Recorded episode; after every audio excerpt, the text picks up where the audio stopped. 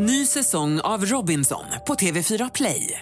Hetta, storm, hunger. Det har hela tiden varit en kamp. Nu är det blod och tårar. Fan händer just nu. Det. är Detta är inte okej. Robinson 2024, nu fucking kör vi! Streama söndag på TV4 Play. Hur har du det i, i coronatider, Charlie? Ja. Nej, men alltså det, grejen är ju att det är ju bra med mig. Men eh, man märker att den där stressfaktorn ligger i bakgrunden hela tiden. Så här. Varje gång det ringer och ska man orka se nyheterna och grejerna pågår. Så att vi tar rast från det tycker jag i, i 45 minuter och eh, unnar oss att lyssna på en podd med tre glada snygga herrar. Ni får föreställa sig att vi är snygga för att vi är ju bara på ljud. Men eh, tre skägg i studion. Charlie, Mattias och Magnus. Ja, och vi eh, får ju... är planen för idag. Ja men precis så, vi får ju så mycket frågor och eh, många är ju väldigt allmän, eh, allmänna frågor och vi, vi, även om vi spelade in det här för någon vecka sedan så har vi velat gå in och vara aktuella kring eh, Corona och allt snack kring det.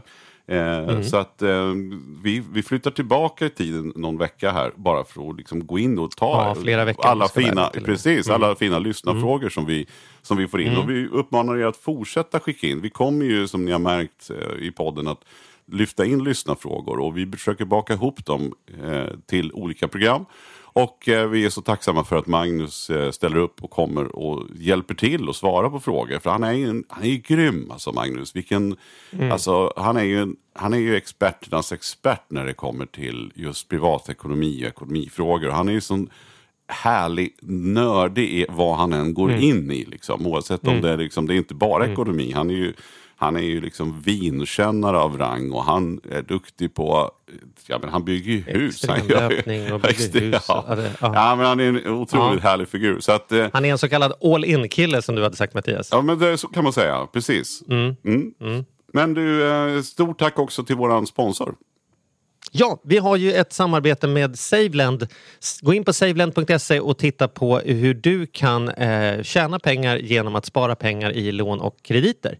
Eh, så att eh, saveland.se hittar ni informationen. Vi har varit uppe och hälsat på dem på kontoret och ställt några tuffa frågor. Vi ställer gärna fler tuffa frågor. Så kommer ni på saker ni skulle vilja passa på att fråga dem om, vrida och vända, titta på vad det kan finnas för fördelar och nackdelar. Så in på charlieochmattiasgmail.com och ställ era frågor där så ska vi vidare vidarebefordra dem och eh, dessutom se till att de publicerar det här så att ni kan eh, lyssna och vrida, vända och tänka. Bra komplement tror jag, ett intressant komplement för den som kanske i huvudsak har saker som ligger på bussen, börsen. Vi har ju sett hur den har rört sig och hållit på. Eh, så det kan vara intressant att ha en del som inte ligger på börsen. Så har i alla fall jag tänkt att man ska ha i lite olika korgar. Så här är i alla fall en tänkbar korg som vi tycker man kan gå in och titta på. Får man, Det får, det. får, får man kosta på sig att vara lite, får man vara lite självgod? Eller när jag, så fort jag är lite självgod så säger alltid min dotter till mig, ja, är du hybris farsan? Eh, ja, det, det kanske jag har. Eh, men Mm. får, vi, får vi ge varandra en klapp på axeln att vi snart når två miljoner lyssningar? Ah, ah, Är inte det rätt häftigt? det är ju coolt. Två miljoner människor kan inte ha fel. Nej, Nej, det, är inte två miljoner människor. Det kan ju vara någon som har lyssnat på flera avsnitt. Ja, ja, men ändå, Ja. vi har alla fått Ja. två miljoner lyssningar. ja, ja. Och det Det tycker jag är. Mm. ju... Ja, men visst är det kul. Grattis till oss. Och vad hade vi varit utan er lyssnare? Inte ett skit. Så det är ju egentligen er vi ska tacka. Så stort tack för att ni verkligen. lyssnar. Och fortsätt Tack att skicka för att in frågor. ut med våran... Ja, verkligen. Ja, ja. Och gärna också kul när vi får, vi har ju fått så mycket tips på bra gäster eh, av er. Så fortsätt gärna tyck till med det också. Och skicka dem då som sagt till charlie och mattias gmail.com. Nu rullar vi tycker jag.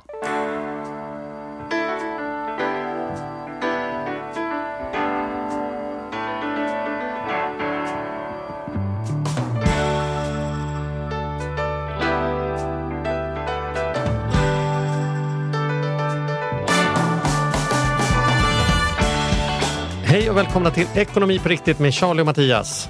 Ehm, ja, vi är ju en podcast om ekonomi. Vi tar in olika experter, olika gäster, men det är alltid jag, Charlie, och det är alltid du, Mattias. Mm, så är det. Idag har vi en gammal trotjänare som gäst.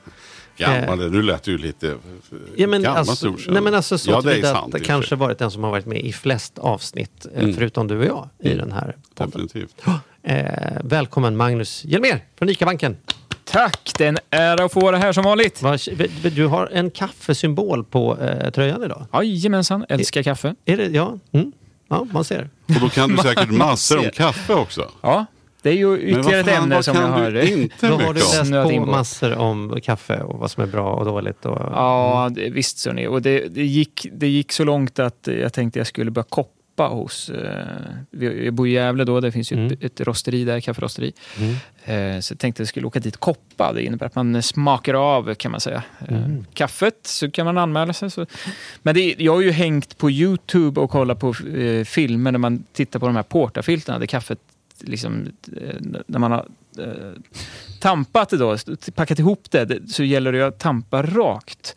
För annars börjar det rinna i ena kanten på det här eh, liksom på kaffet och då får man inte ut lika mycket oljor och smakämnen. Så det är viktigt att man tampar rätt liksom, på all, alla barister där ute. Vi vet att ni kan det här bra. Eh, och så med rätt tryck så att det inte blir förpackat kaffet i. För då eh, rinner det inte igenom och, och kan sta- kaffet stanna lite för länge och så får det med sig lite beska oljor istället. Det är mycket oljorna som sätter smaken.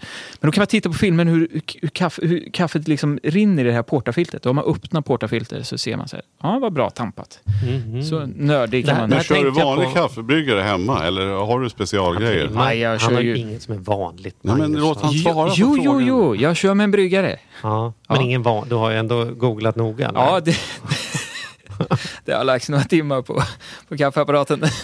Jag har faktiskt också en, en sån här eh, kapselmaskin. Men tycker du det stämmer? För Då- jag då- köpte nämligen en, en ett, vi behöver inte hålla på släppa massa varumärken här, men jag köpte Nej. en väldigt klassisk märke som ska vara de bästa, som ofta får bäst i test. Ja. Det börjar på M och slutar på Ster. Ja. och, Skönt att jag kan så lite om kaffe så jag vet på riktigt inte vad det är. nej, det är bra. Men, Men den, som bryggare nu, Som kapsel, bryggare, ja. Och bryggare. så, så sa vi så det här och de är coola, de är snygga. Och jag gick, jag gick på någon jävla, jag vet inte fan. Men då kände jag så här, Du det är bra. feeling, vi köper två, för att jag, det var någon rea Oj. på just den där. Så jag köper två, en till En till stugan, stugan. och en hem. Admin. Eh, admin, ja nej då. Men, men då, då, och sen så tycker jag inte att kaffet blev gott. Det var ju liksom den lilla detaljen att jag inte tyckte kaffet var särskilt gott. Köpte olika sorter, olika, eller jag vet inte om jag köpte så många olika filter, men jag köpte olika kaffe. Ja. Eh, till slut då i alla fall så insåg jag att de där stod sig bra så jag la ut dem båda på Blocket och fick blart av med dem på en gång. Eh, Att de sen- står sig jättebra. Ja, Ja, och så köpte jag en annan sort. Eh, som börjar på W och slutar på A. och, och, och, då Och jag vet ändå inte. Nej, och, då, och då tyckte jag ju så här. Det här Det smakar smakar, bra. det ju mycket, mycket godare kaffet. Ja. Men är det vanesaken att du ville att kaffe skulle smaka som tidigare det- smakat? Eller var det... Ja, det, det där är ju oklart alltså. Ja. Det där är Det, oklart. där, det tror jag det är. Det är den där majonnäseffekten. Att de flesta människor tycker att majonnäs smakar äckligt för att de bara ätit skämd majonnäs. Alltså bara ätit majonnäs som har blivit dålig. För det är det man oftast får. Den blir lite så här sur i, på burk och grejer. Så när man gör färsk majonnäs så säger folk så här. Ah, var inte riktigt min Fast grej. det skiljer ju mycket. Alltså, jag kan ju bara tänka på andra varumärken på ketchup till exempel. Om man ska jämföra Felix och Heinz och vilka som är vilka. Ja, nu Det- kunde vi där- säga hela varumärket. Ja, plötsligt. för att det är så här, ja, Ja. skit i det. Vi kan ju säga vilka varumärken vi Ja, vill. Jag, mm, bara, mm. jag bara menar att man vänjer sig ju, på tal om det. Ett Ja. tag så körde jag eh, många år sedan bara Felix ketchup. Sen var det någon gång när jag fick för mig att Heinz var go- gott. Ja. Bytte vi och sen så skulle jag prova med barnen så hade de inte Heinz någon gång. Köpte en annan sort och de bara, vad är det här? Det smakar ju inte klokt. Nej. Men ketchup som ketchup tänker man. Men, men det är inte kanske en vanlig sak där också som du Det, säger. ja, men det kan vara så. Ja, men kaffe, kaffe i varje fall. Jag hedrar eh, mina kläder med ett litet kaffemärke. Det tänkte jag nämligen på när, vi, när jag lyssnade på det vi pratade om det här med, med en faran för dig med att läsa på för mycket om någonting, att det går mycket tid. Just det. Vad jag, vad jag tänkt på också är att det nog kan gå mycket pengar. Därför att ju mer insatt man är i Ja. någonting, ju högre eh, liksom, pristolerans har man. Om man inte vet något om kaffe som jag, då har man en presskanna från Ikea för 49 kronor Ja. och så köper man när det är två paket för en så att det finns till gästerna. Och så tar jag väl en kopp i veckan. Liksom, så här. It's not an issue. Och då Nej. liksom blir det inga pengar. Men hade jag läst på, i vissa områden är jag ju påläst och då Mm. blir det ju Liksom, helt plötsligt börjar åsikter. Det går inte så lång tid från tonåring upp till kostymåldern tills man börjar kolla på vad är det för, ty, vad är det liksom för tyg i den här kostymen Ja. eller den här slipsen. Liksom. Fram till det som är helt omedveten om det Ja. så kan man gå med hur mycket plast som helst. Tänk inte på det och lika glad för det. Ja, och sen så är man det helt kört. Kan man inte tänka sig någonting annat? Nej. Ja, men du förstår vad jag menar? Ja, jag fattar. Eh. Pro det stora problemet kan jag tycka är att man... Eh, jag, jag upplever att jag har en väldigt eh, öppen människosyn. Men det, det, man, man lägger ju plötsligt värderingar i va- varför andra människor väljer Som jag som har presskanna tänker du så här, oh, Ja, God, ja men det, så, på, det, det, här är ju lite så här, hur vill man uppfattas som människa? Nu blir vi väldigt djupa, så här, gå från kaffe till hur vill man uppfattas? Men man kan ju faktiskt ställa sig frågan så här, hur vill jag uppfattas? Det kanske är, det kanske, man kanske strävar efter bara, jag skiter i allt. Mm. Eh, Men skiter man inte i allt, då är det ju också lätt att hamna där. Att man väljer att göra research för att man vill ha det bästa. Och det är inte bara för hur man vill uppfattas. Men det är, eh, finns ju människor här i världen som absolut inte kan tänka sig att köpa en Skoda. Av någon outgrundlig anledning.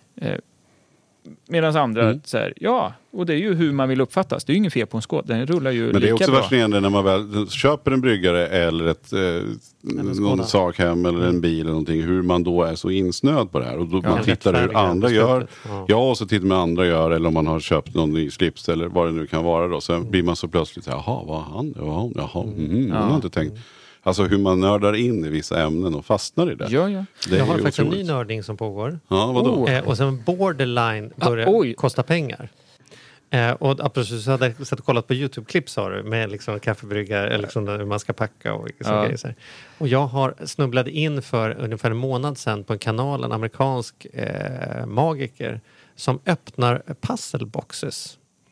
Han, han köper från hela världen lådor som man inte förstår hur han ska öppna och sen försöker han att öppna dem.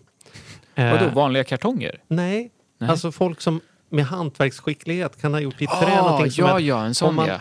Den här hörnan, om man ruckar lite den så lite, lite och och så vrider drar- lite ah. så, då trillar ut en sprint här och den är magnetisk som gör att jag kan få bort en panel Ja, som gör det att om jag snurrar den så öppnar en sida. Och så sitter, kan jag sitta, du vet, helt plötsligt har det gått fyra timmar när jag borde sova. När jag bara sitter på honom, Åh, ser honom sitta och öppna låda efter låda. Jag blir bara mer och mer fascinerad. Så tänker jag så att den där lådan vill jag ha. Så går jag ut på nätet och så bara, den kostar 6 000 dollar. Och då tänker man så här, jag är fortfarande lite sugen.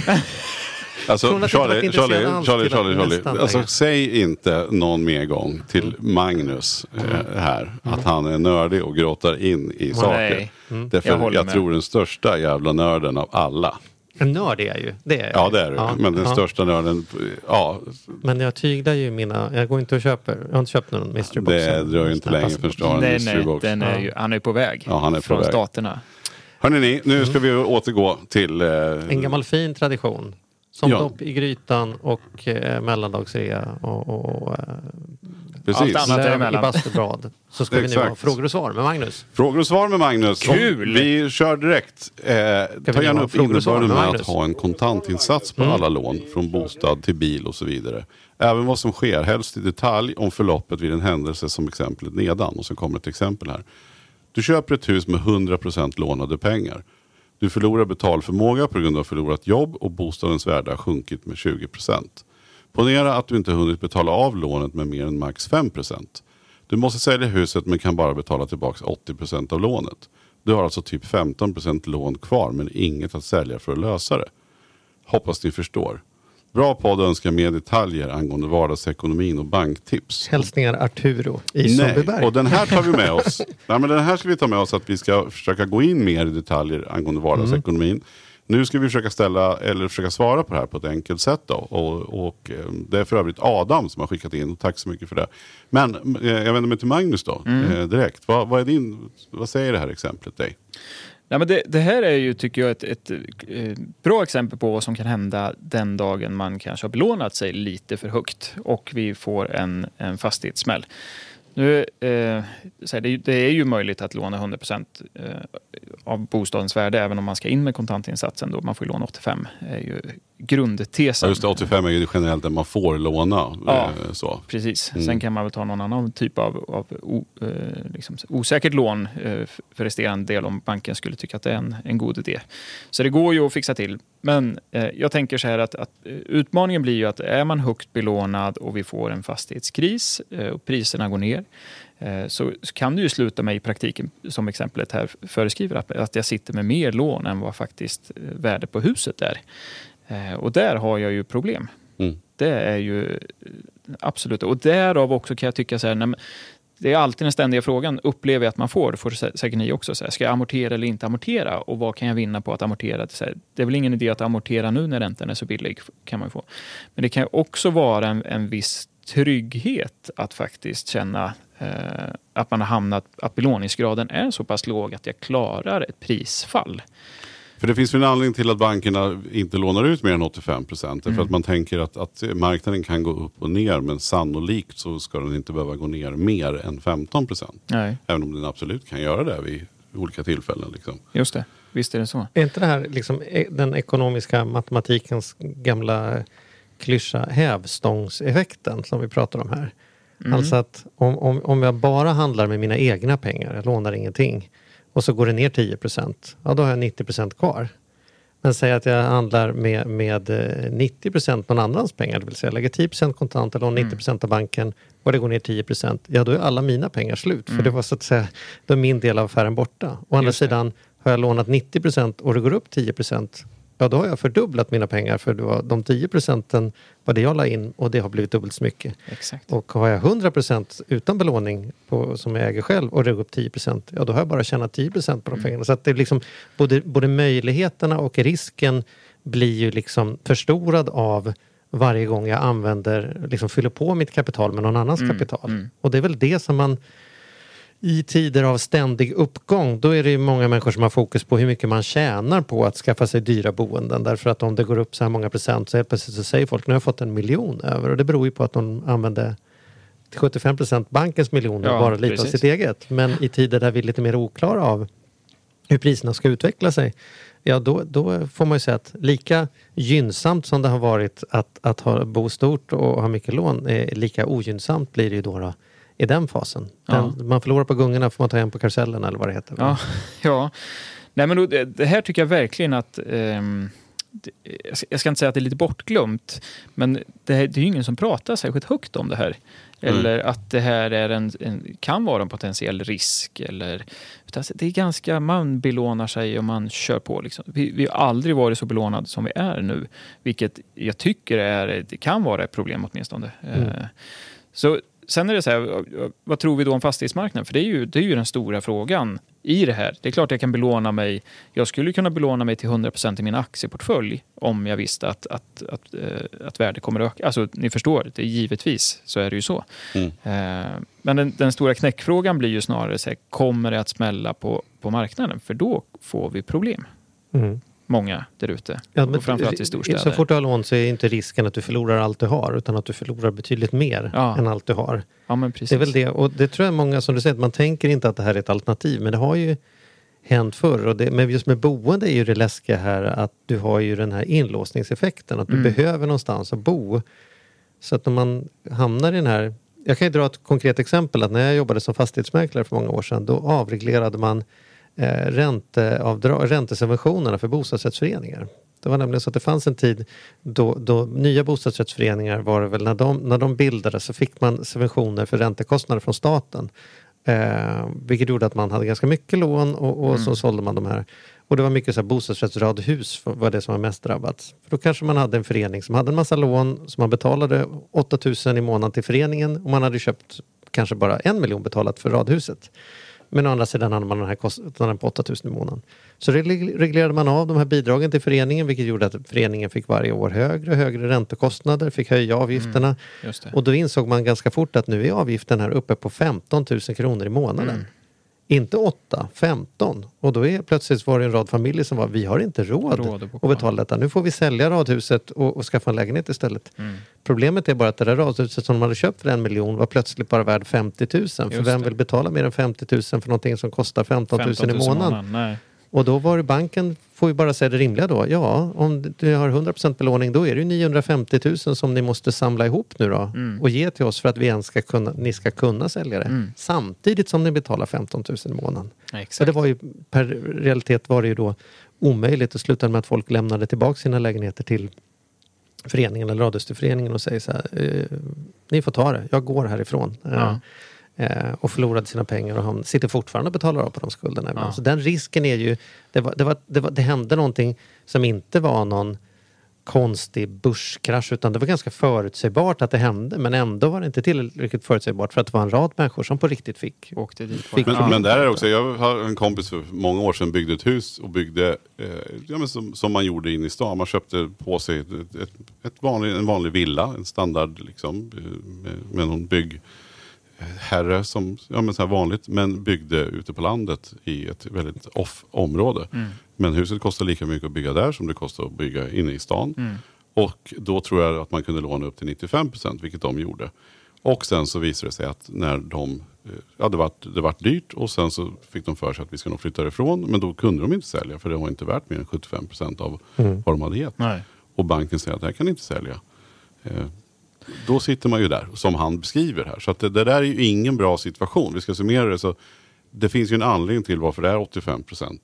Det är vi får ju mycket sådana frågor om hur man ska lura till sig mer belåning för att Ja. få komma in på bostadsmarknaden. ja. Och vi får säga sådana tråkiga saker. Om banken säger nej, då kan det ju faktiskt vara så att man kan ha ganska goda grunder till att säga nej. Då är det väl kanske inte en trea du har råd med. Då får du nog dela rum med barnen eller, eller ja men Mm. det är inte så kul. Nej, det är inte så kul. Men det, det, alternativet är inte heller så kul om, om det skiter sig. Och vi får väl ändå utgå ifrån att med jämna mellanrum kommer det skita sig. Liksom. Ja. Och det är de som är Och- mest på marginalen som kommer drabbas hårdast. Så är det verkligen. Och där, där vill jag också ta ett, ett eh, exempel. För det behöver inte heller eh, vara in... Jag tycker ditt exempel Charlie är väldigt bra. Att det finns eh, mekanismer som löser ut som inte handlar om en stor bostadskris eller fastighetskris där, där priserna går ner. Eh, ett exempel som jag fick till mig här var ju att några byggde sig ett hus, sålde en lägenhet, byggde sig ett hus. Eh, färdigt, flyttat in, superbra. Eh, nu har köparen av lägenheten stämt dem för att eh, upplevelsen var att det, det, man fick, det man köpte var inte riktigt det man fick. Det var mer lyhört. Och då är det ju så här, det är ganska basic saker då som, som riskerar. Och de är alltså stämda på en miljon kronor har man yrkat.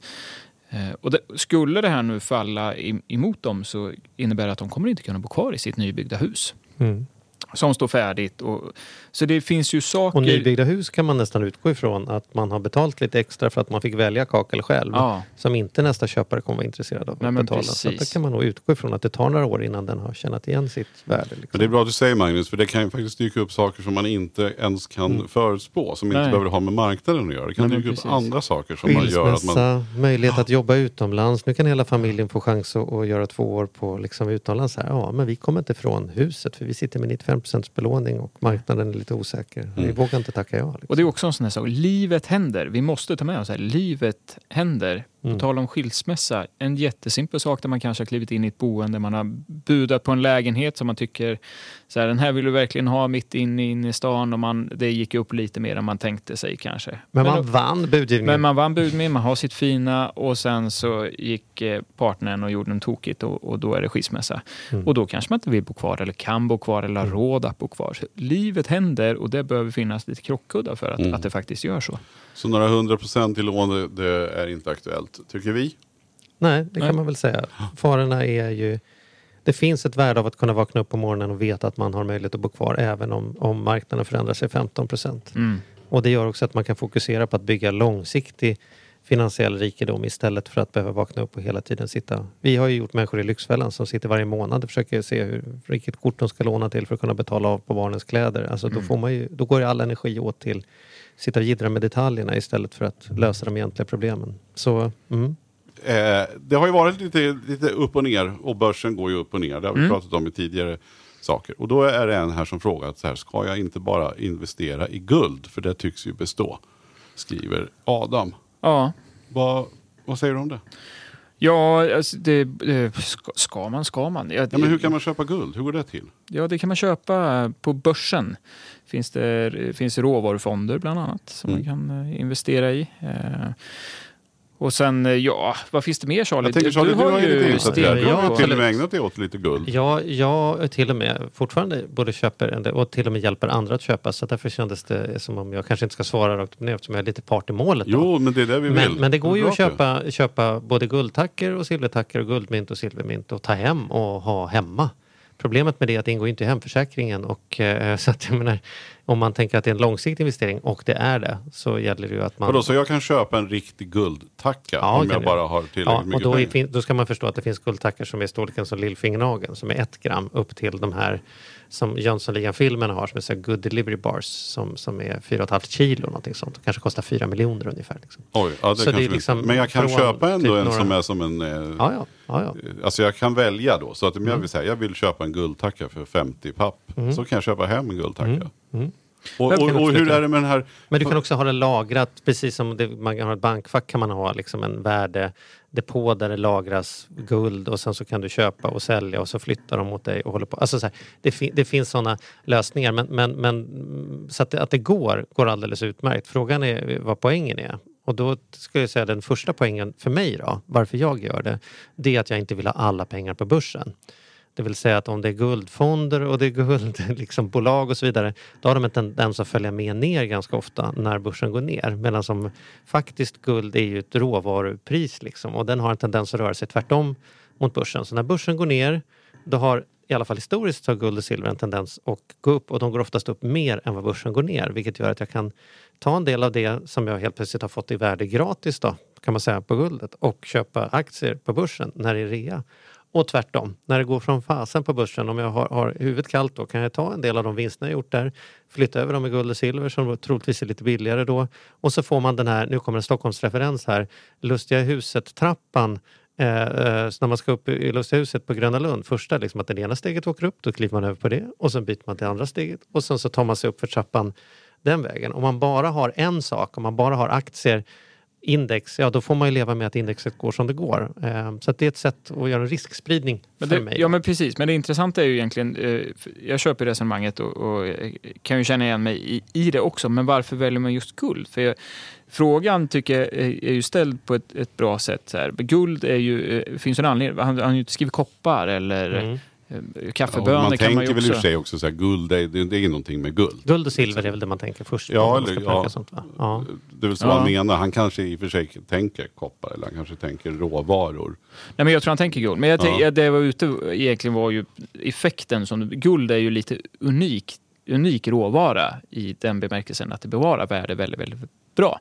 Och att, eh, precis som Charlie berättar, att går börsen ner så har man en tendens att flytta kapital eller investera i guld som är, som är en, en stor säkerhet då, för det behåller sitt värde. Ja, det är ju Så- det som man kallar för inflationssäkring då, som inte är något man pratar eftersom vi inte haft så mycket inflation i Sverige tänker man inte på det. Men vi har ju mål att, att alla pengar ska förlora 2% i värde varje år, liksom inflationen. Och tittar man de senaste 100 åren så har en hundralapp, så man kommer ihåg siffran rätt nu, förlorat 96% av sitt värde. Så 96 av de 100 kronorna, om du hade bara tagit en hundralapp för 100 år sedan och lagt det i ett bankvärde, har de förlorat i köpkraft. Men hur vet man att det faktiskt är? För jag är lite sådär, min... min Du kan ju eh, kolla moster- vad det kostade att köpa en tredelskostym för 100 år sedan. Så kan du prova att gå och köpa den nu så ser du ju hur mycket dyrare, hur, li- hur Jo, mycket jo, men mindre nu pengar vill det jag komma räcker till själva eh, materialet. Då. Så om man nu ska köpa, hur kan man säkerställa att det faktiskt är guld? Går det att göra en enkel... Jag tänker så här, Ah. förr så var det så här när man köpte ringar. Jag har nämligen min både moster och morbror jobbade på Statens provningsanstalt. Mm. Eh, som flyttade från Stockholm till Borås för en jävla massa år sedan. Förlåt, statens Provningsanstalt. provning. Ja, ja. Mm. Och de satte ju den här kattfoten som man Just kallar för den här stämpeln. Och de mätte all, allting som, när man köpte guld på marknaden så var den liksom säkrat av en sån här liten stämpel. Just det. Och det där kommer jag ihåg när jag var liten att jag fick någon sån här kod. Man fick läsa vad stämplarna betydde. Att eh, den siffran betydde året Ja. och, och kvalitet. Och så var det här med karat då liksom. Och 24 karat trodde man det var det var renaste. Men hur säkerställer man sånt där? Eller finns det inte en... För mig låter det så här lite liksom, fan, hur vet man? Jag skulle ju aldrig kunna, om jag köpte en guldtacka så skulle inte jag kunna avgöra om det var guld eller om det var eh, tenn Nej. inuti. den. Nej, precis. Men då- det är väl egentligen samma sak som om du går och köper en aktie. Hur vet du att det är en aktie i H&M du har fått och inte på ett värdelöst papper? Och det Ja, men köper ju- jag på börsen så tr- tror jag ju ändå på Men hur vet du att du är på systemet. börsen? Nej men det tror jag ju då att jag, men jag köper via Precis. min bank och att det finns en Precis, så där har du svaret. Du köper via en betrodd källa som kan garantera att det är precis det det är. Och det följer med dokumentation och det ligger lagrat på ett sätt som gör att ingen kan liksom påverka och sådana saker. Så det, det är ju samma sak där. Det är klart att du inte men det finns seriösa och oseriösa aktörer skulle du säga? Eller är, det, Ja, är inte en fråga? Eller Det liksom, ska jag inte experta mig kring, men det är klart att om de kommer fram till dig på, på en marknad i Marrakesh och säger det här är äkta saffran och det här är äkta guld, då är det klart att du kanske inte utgår från att det är 24 procent och bara säger vilken sweet deal jag gjorde på detta. Är det någon som har provat att köpa saffran utomlands och tänkt så här, det var en bråkdel av priset, så kommer man hem, smakar lussebullarna ingenting. Nej, men jag tänker att Så det kan ibland- vara ungefär, jag som är intresserad av klockor till exempel. Ja, jag det jag kan för dåligt för att jag själv, jag behöver att någon kontrollerar att det, är, att det inte är en fake eller att det är äkta. Eller att du köper då- en via Bukowskis eller någonting som säger så här. Ja, någon, man tror liksom. ändå någonstans där Ja. att det har liksom. Ja, det är ju- Men det det är ju- samma sak. Det är ju samma sak där då. Och att det finns intyg och de ligger liksom vakuumförpackade, inplastade eller stämplade och det finns identitet var den kommer ifrån och när och hur och liksom Bra. exakt mycket. Kul! Så att, eh, Jag ja. tänker, jag tänker att du en del av Magnus? valutareserven är ju guld. Ja, det är ju en intressant sak till att börja med. Det här har ju varit staternas sätt att liksom ha något belägg för pengar liksom överhuvudtaget länge. Mm. Sen tog vi bort det där. Det var Nixon som som slutade fylla på med guld när han tryckte nya sedlar och sa nu får ni bara lita på att om jag säger att det är värt så här mycket så är det värt så här Mm. mycket. Och de andra länderna var ju inte sena att följa med i det. Och, så nu har vi ju otroligt mycket mer pengar i värde, eh, digitala pengar, än vad det faktiskt Men någonsin det kan ligger peka på. guldtackar i någon källare. Tror Jag har, det hörs sägas att det är ingen president på många, många år som har åkt Fort Knox eh, i USA och kollat efter hur mycket guld som Nej. finns där. Eh, och att Donald Trump var en av de löften han hade, att han minst skulle åka dit och kolla hur mycket det var, men att han ändå inte har gjort det. Nej, är det sant? Ja, och det är väl just därför, om man ska vara lite konspiratoriskt lagd, finns väl en poäng med att man inte vill eh, åka efter och titta efter ifall den dåliga nyheten det fanns inte alls så mycket där som man skulle tycka att det ska finnas för att borga för någon typ av säkerhet för... för eh, Det som störde mig, ja, precis, ja, det är bra. Det som störde mig var en gång när jag hade fått av, av så här, hade fått utav mina föräldrar och så här, farmor och farfars gamla, eh, ja men lite så här guld. Mm. Och sen så kände jag så här, shit den här ringen måste jag vara värd, den här måste jag vara värd. Och sen så gick jag dit och skulle smälta ner den där. Mm. Och göra min egen eh, ring av det. Eller vad det var, om det var när vi skulle ha bröllopsringen. Och så visade det sig att då, då var det inte mycket värt. Alltså, Mm. Eh, Jag menar alltså kilopriset Det var- i guld var ju inte, jag trodde så här, titta jag har massa fina smycken, det måste ju vara värt något. Sen var, när det varit en klump så var det inte många gram, eh, då var det inte så mycket värt. Här, här kan jag berätta, har jag tagit reda på medan vi har poddat här, att Riksbankens guld och valutareserv är värda ungefär 500 miljarder svenska kronor. Mm.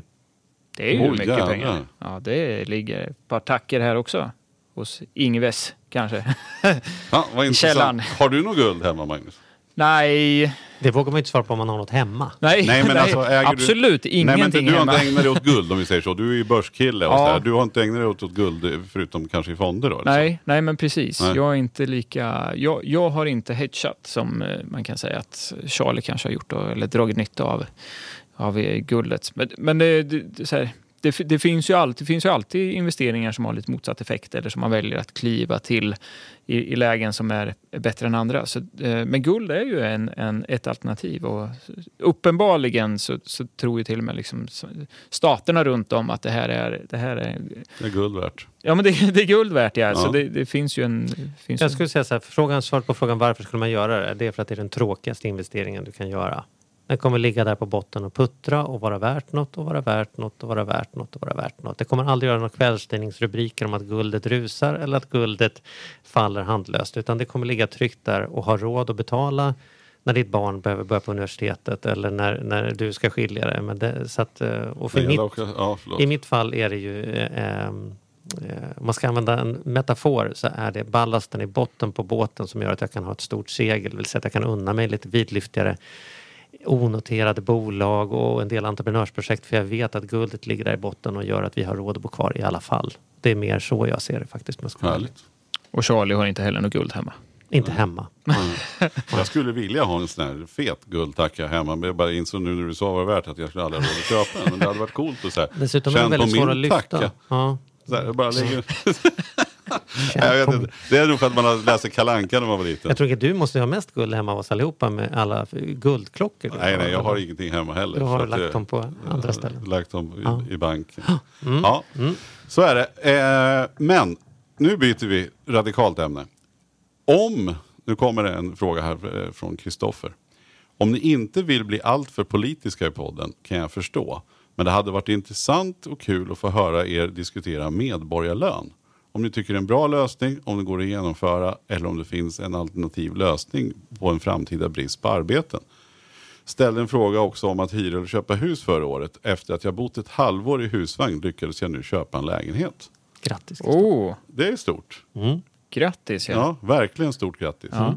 Men medborgarlön är inte så, sådär, jag kan inte så mycket om det, men det bygger ju på, har ni någon reflektion direkt på, på det? Jag kan killgissa lite. Jag, jag är, är så här dåligt insatt men ändå insatt. Då. Men vi kan väl låta experten börja. Nej men kör du, det, du var på gång. Jag hör Jag att ingen på. riktigt vill ta det, för ingen är super eh, inne på medborgarlöner. Men Jag tycker att det är en liten konstig tanke att, vi ska, att, att, vä- alltså att värde behöver skapas på något sätt. Jag tycker medborgarlön bygger på någon idé att det är någon annan som ska skapa det där värdet än, än man själv. Och jag kan se problem i förlängningen med det. Jag förstår rent matematiskt att det kan funka men jag är ju ganska marknadstroende. Att, att om människor hade mer fokus på att bidra med värde till andra eh, så, skulle vi, så skulle samhället må bättre. Och jag tror att det snarare handlar om att göra ett, samhället rättvisare genom att titta på vad vi tillskriver värde än att säga låt alla få lika mycket pengar i basen i botten och sen får vi se om någon har lust att gå till jobbet eller inte. Liksom. Men Ja. är det inte ändå rimligt att man, man har väl ändå rätt som människa att ha en slags grund eller en basinkomst? Jag menar, Jo, det vi kan kan alla tycka. råka ut för saker och ting och ha olika Men förutsättningar. rätt från vem? Vem, vem, vem ska du utkräva den att vi- rätten ifrån? Ja, från vårt land Från Gud? bor. Från... Ja, Ja men vad är ett land? Det är ju vi. ja.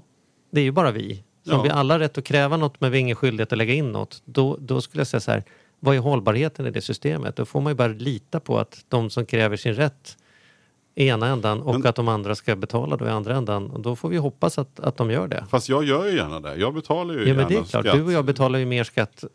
Nej, men alltså, jag betalar gärna Ja, för, för alltså, vi, vi har ju alla olika förutsättningar. Ja, Jag tycker det är alldeles ja. rimligt.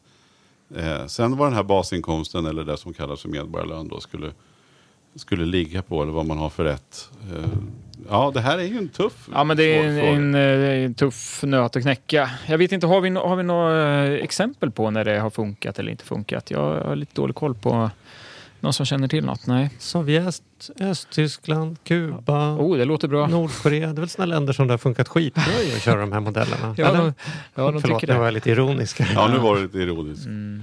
Ja. Nej, men, och det, Men, men det, finns, det finns tydligen, enligt Wikipedia, så finns det en akademisk diskussion om förslaget. Och, Mm. och fem av mottagarna av Sveriges riksbankspris i ekonomisk vetenskap till Alfred Nobels minne har uttalat stöd för idén. Mm. Det vill säga att man alla ska ha då en slags grundtrygghet. Eh, helt enkelt. Det vill säga att man ska ha en basinkomst. Ja. Nu kanske jag svär i kyrkan här, Ja. men i jämförelse med stora delar av världen skulle jag säga att vi ändå i hög utsträckning har redan en, viss, en stor grundtrygghet i Sverige. Det får man ändå säga att eh, i jämförelse med många andra ställen så har vi kommit eh, ganska långt, även om man kan ha åsikter om att saker monteras upp och monteras ner eh, av olika politiska beslut. Men många människor har ju ändå en, en vaknar upp i Sverige och inte behöver vara oroliga om de kommer överleva eller inte. Sen kanske man inte kommer behöva ha det jobbet man drömmer om och man kanske inte kan få det boendet man vill och man kan ha tuffa perioder. Men, men är man född i Sverige så, så eh, har man ju ändå en hög grundtrygghet jämfört med många, många andra länder. När jag träffar amerikaner och pratar om sådana saker då, då frågar de om vi står till vänster till höger så säger man så vad helst ni hittar på så är vi till vänster om vad ni hittar på. I alla fall alla. Men en fråga för mig som har delat, om man nu ska prata lite, gå in lite politiskt, så, där jag är kluven, det är ju till exempel med, med, med friskolor. Ska en skola vara vinstdrivande? Där kan jag stå tvärt emot på, på båda sidorna om man nu ska titta rent politiskt. För jag kan tycka att vad fan, det som händer med de här skolorna är ju att det ändå går på, på någon form av betygssystem och att det blir ett, en elitmöjlighet så att folk inte har, har samma chans till utbildning. Det kan jag verkligen tycka. Och att, en, att det ska vara en vinst i en skola. Jag, jag är väldigt delad i det. eh, Jag tycker säga. att- jag kan jag- å ena sidan tycka att det, det, så ska det inte vara. Men å andra sidan har jag själv haft mina barn, eller i alla fall eh, sonen då, som har gått i friskola. Eh, och har gått på en skola som han kom in på tack vare att han hade fina betyg. Och det, jag, kan, jag är delad i vad jag tycker där faktiskt. Jag har, där har jag en åsikt därför att jag tycker den här om vinstfrågan tycker jag är exempel på där man lyckas shanghaja debatten från det som egentligen är viktigt. Det som är viktigt är ju inte om vi har vinster eller inte vinster i skolan, tycker jag. Det är inte viktigt om vi har vinster eller inte vinster i, i välfärden med våra nej. gamla, i, i vård och omsorg. Det är inte det som är viktigt. Det som är viktigt är får vi kvalitet för de pengarna eller inte. Ja, mig spelar det ingen roll om det är något bolag som tjänar pengar på att ta hand om mina föräldrar när de blir gamla. Det som spelar roll är, blir de ordentligt omhändertagna? Oavsett om det är landstinget som gör det eller en privat initiativ. Självklart håller jag med om det. Men det- det- diskussionen men är det så handlar det hela tiden- blir? Nej, därför Alltså, att, nej, man har ju men sett man exempel på frågan. Mm. de som vill göra vinster på där man får x antal kronor Precis. per elev. Precis. Och sen så ser man till att köpa, man behöver inte ha de här Ja. allra fräschaste datorerna eller man, Ja. man, man eh, tummar på saker. Och, då, och, det, det, och det kan ju bli stora problem. Men jag råkar vara uppfödd i kommunal skola i förorten där det faktiskt var så att vi ett, ett och ett halvt år inte hade en svart tavla för den var trasig tvärs över. Det fanns inget sånt. Vi hade inte lärarböcker, det var stenciler. Vi hade inte riktiga lärare. Vi hade någon vikarie eller knappt någon fritidspedagog. Och det var inte därför att man ville göra så mycket vinster utan det var den kommunala verksamheten. Så om den är kommunal eller privat är ingen garanti för att den håller kvalitet. Och det, det tycker jag är intressantare att säga att vi måste bli bättre på att kräva kvalitet för våra skattepengar oavsett om det går till, till eh, kommun, landsting eller privat. Det ska inte vara så stor fråga med vinster i välfärden om, om vi hade en bättre beställarkompetens och såg till att vi betalar bara för det vi verkligen vill ha. Jag tycker skolsystemet är konstigt. Varför, varför betalar vi med skattemedel för att folk får plugga precis vad de vill? Så har vi liksom 40 000 idéhistorier och arkeologer men vi har bara 12 läkare. Förlåt, är det inte läkare vi behöver? Hur Bra. många Ja, tjänster håller finns det med. som idéhistoriker? Nu känner jag att det är ett frågesvarprogram så vi, kan, vi kommer inte komma... Magnus, har du något slutord i den här? Nej, men jag börjar vi med medborgarlönen så eh, håller jag med. Det är en eh, svår, det är en svår fråga och det, i grund och botten så blir det väldigt politiskt. Och det handlar ju om eh, em, rätt förutsättningar för alla. Och då är frågan eh, om medborgarlönen är lösningen på det eller inte. Jag kommer Eh, ihåg att vi är tre vita män, väldigt privilegierade och har liksom väldigt bra förutsättningar också. Ja, men och, precis. Och det, men ihåg. ja, ab, ja, absolut. Men jag, det där tycker jag är en, en klurig. Däremot så eh, är jag villig att hålla med Charlie i den här frågan. Det är så tråkigt att jag alltid ska hålla med Charlie. När ska vi tycka olika? Liksom? Håller inte med dig om att det är tråkigt. Nej. Nej, men så här, det är ju kvaliteten som... Så här, jag, jag har inte heller något problem med att någon tjänar pengar på. Utan, eh, jag skulle vilja vända på det. Så här, kvalitetsmåttet, så här, man borde få tjäna mer pengar om man kan leverera högre kvalitet. Det vill säga, så här, sker en förflyttning, det vill säga levererar vi bättre vård eller bättre skolresultat så, så borde man ju kunna tjäna mer pengar. Alltså, det är ju det som men, borde men ser vara ni inte risken på... då att det kan vara så att vi kan hålla skitbra om vi dessutom får ta ut 100 000 extra av elev, vilket det skulle finnas jättemånga som skulle anmäla sina barn för det. Mm, Eh, att så här, okej det kostar, förutom det här vanliga skolpengen som vi kommer få, så får ni skjuta till 100, 100 000 till per, per termin. Mm. Så ska vi nog se till jävlar att det blir kvalitet. Eh, Fast då har du bytt fråga. För att än så länge när vi pratar om vinster i skolan så pratar man ju om om man gör vinst eller inte på, de, på den skolpengen som är lika för alla och så vidare. ja, så ja men menar, vart går gränsen? Jag vet inte. ja, Jag men det finns ju privatskolor redan. Alltså Lundsberg Jo, har fast- funnits i många ja, år. fast Lundsberg, då betalar du för login. Du betalar inte, där kostar det x antal hundratusen, eh, ett par hundra kan jag gissa. Per, Precis, så för, same för, same. ja, men det är ju för boendet. Okej. De som bor nära Lundsberg som inte är inskrivna där, eh, eh, de. Eller så, det är så Okej. det är. Det, det, det är så det är. Men, men jag tänker också så här, det rör sig ju inte bara om, jag menar, kommer upp på universitetsnivå exempelvis. Det är ju en urvalsprocess att, att bli antagen eh, till, till Handelshögskolan där man går på, kan vara alltifrån liksom personliga referenser till studieresultat. Och, och det blir ju också en fråga i sig då som är, är viktig. Så här, ska inte alla ha, ha egentligen rätt förutsättningar eller samma förutsättningar att, att eh, läsa den utbildningen eller ska det stå liksom vissa Men vi får säga så här, Kristoffer, intressant. Det här går ju igång. Sånt här berör ju en. Det kan man Det konstatera. är kanske är du. Kristoffer som ska komma hit och berätta din åsikt. Ja, Eh, och det kanske är så att vi ska göra Mm, då ett eget, eget avsnitt om den här frågan. Det finns ju mycket. Kanske bjuda in lite politiker. Mm. Eh, då kan vi ha Det har vi provat förr, de brukar inte våga komma bara. Nej, vi har haft Ja. några som har vågat, men vi får se. Mm. Då kommer en fråga som jag tyckte var ganska kul. Hej, har lyssnat på er podd ett tag nu och bidrar med mycket och ni, ni bidrar med mycket nyttig information. Tack för det Anton. Jag tycker ni borde ta upp hur mycket ni faktiskt tjänar på denna podd. Var kommer pengarna ifrån? Varierar intäkterna beroende på hur många som lyssnar på ett avsnitt? Vad gör ni med dessa pengar? Vad kostar det att ha en podcast? Vad är det som kostar? Är det mycket eller lite arbete i relation till hur mycket pengar podcasten drar in? Och då menar du att jag inte ska svara utan Magnus Ja. ska svara? Nej, jag tänker att du kan ta ett kort svar på det. Ja, men du, kan inte du? Jo, Ja. Det kan jag göra. Nej, du men så här är är ju. dessutom ekonomiansvarig för vårt poddprojekt. Ja, precis. Nej, men så här är det. Vi har ju sponsorer. Eh, hoppas ha sponsorer, det har vi inte alltid haft. Eh, nu har vi varit lite sponsorlösa ett tag.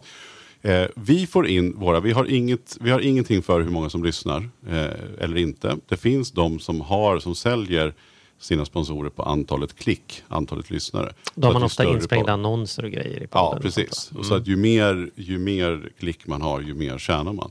Så har inte vi, utan de sponsorerna vi har haft, de har valt att betala en summa per avsnitt. Eh, och så har vi dem under en kort period. Och dealen är ju då att vi byter en tjänst. Vi berättar om den här sponsorn, vad det är för typ av sponsor eh, och vad de kan bidra med. Och mot det så får vi då en, en peng. Eh, det som kostar oss, och det har ju varit varie- varierat beroende på eh, ja, men vilken sponsor man har och, och sådär. Ehm, sen det som kostar är ju att vi, det kostar några hundralappar i månaden och ha den här tjänsten som vi har. Vi har Som gör att man kan ladda upp som poddavsnitt. gör att man kan ladda upp. Och vi har valt en tjänst som heter Libsyn. eh, Där alla människor bara kan ta ett abonnemang och lägga upp. Jag tror att det är någon, någon hundralapp i månaden. Gan- det det får man ändå säga, det är den lilla Den kostnaden. lilla med kostnaden. Mm. Sen har vi en kille som heter Oskar, tack Oskar, eh, som klipper eh, våran podd. Och det är ju ett ganska stort jobb. Mm. Man behöver lyssna flera gånger och klippa bort och fixa ljudvolymer och. Så det är inget man gör på en kvart. Nej, och lägger till våran fina jingel som ni snart kommer få höra när det är klart. Eh, men det är ju heller inte någon stor kostnad egentligen. Alltså, det, är klart att han måste få betalt eh, för det han gör. Eh, så att, Sen har vi studiotid. och sen har vi studiotid där vi hyr in oss på en liten poddstudio. Eh, som råkar vara ditt kontor där man kan köra ganska enkla grejer Charlie. Det är ju inte någon stor utrustning. Nej. Någon tusenlapp så är man igång. Precis. Så att jag skulle säga, kan man klippa själv, vilket inte är svårt, så kan ju alla starta en podd. Eh, och det behöver inte kosta mer än någon hundring eh, i månaden. Knappt det faktiskt. Men svaret är att vi lever ju inte på podden. Nej, det gör vi Eh, verkligen inte. Tittar vi totalt sett över den här tiden vi har poddat, de här tre åren, så har vi ju inte, vi har inte behövt betala för att ha podden, utan vi har fått betalt för att göra den. Mm. Och tittar man på timpriset, om man pratar timpriset när vi sitter och pratar som vi pratar idag, så skulle man säga att vi har haft ett bra timpris. Vi tjänar mer än vad en normal människa gör på ett jobb. Men lägger man ihop Ja, alla per timme, timmar... ja. Per timme, ja, men Precis. precis, per timme. Ja. Men om man jämför, lägger ihop alla de timmarna vi pratar om, får tag på gäster, diskuterar ämnen, jagar, diskuterar med nya sponsorer, diskuterar hur vi ska utveckla med klippningen. Ja, om man lägger ihop alla de timmarna, då är vi nog nere på en, ganska normal knegarlön för de timmarna. Å andra sidan är det ju så att vi har ju då tillbaks till vad vi sa från början. Vi tycker det här jobbet är så kul så att ska man välja ett jobb och tjäna pengar på är det bra att ha ett man ändå tycker är roligt. Och så för oss är det ju kärt besvär att lägga de här timmarna så att vi tycker ändå att den affären går ihop både ekonomiskt och emotionellt. Ja, och framförallt emotionellt. Eh, Mm. Så att det är ju därför vi gör i grunden. Man kan inte man kan helt enkelt inte tro att man kan starta en podd och tro att man kan leva på den från dag ett. Då ska du komma upp på väldigt stora siffror. Nej men man kan väl också säga det, du som är insatt i branschen från andra håll. Du Mm. kan till och med uttrycka och säga så att det är nog väldigt få människor, de kan vi nog, skulle man nog kunna räkna och använda båda händernas fingrar i Sverige, som på riktigt kan leva på sin podd. Mm. Det är nog inte fler än tio personer i Sverige som klarar det.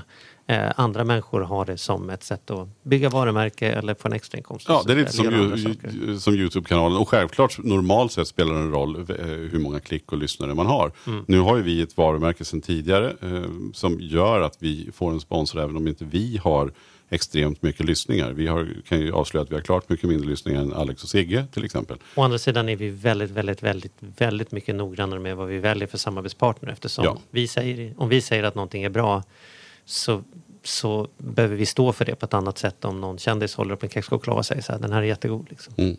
Nej, men vi vill inte med risk för att låta pretentiösa, men vi, vi är väldigt noga med, ska vi ha en sponsor så måste det vara någon som är seriös. Eh, Ja. Så enkelt är det.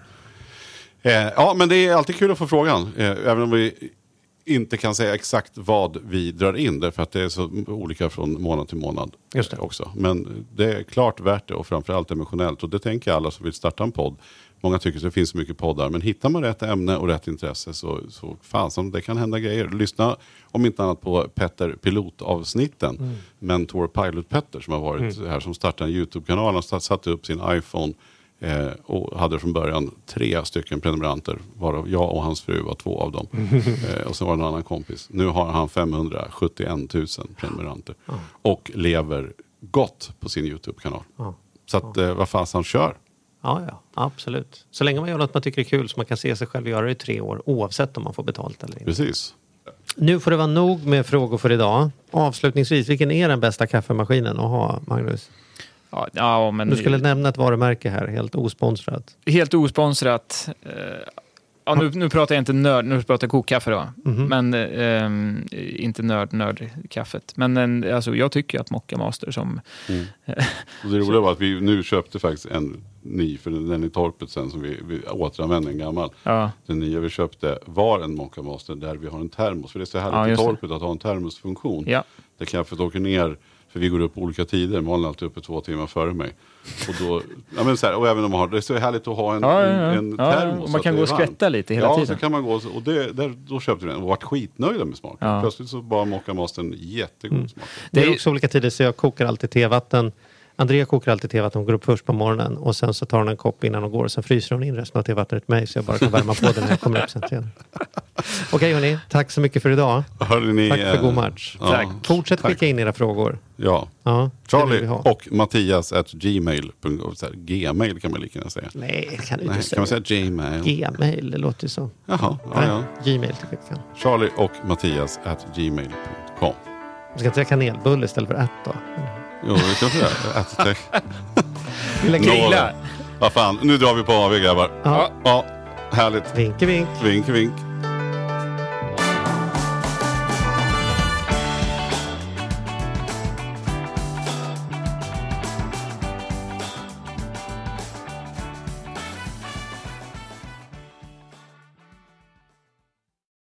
Ny säsong av Robinson på TV4 Play.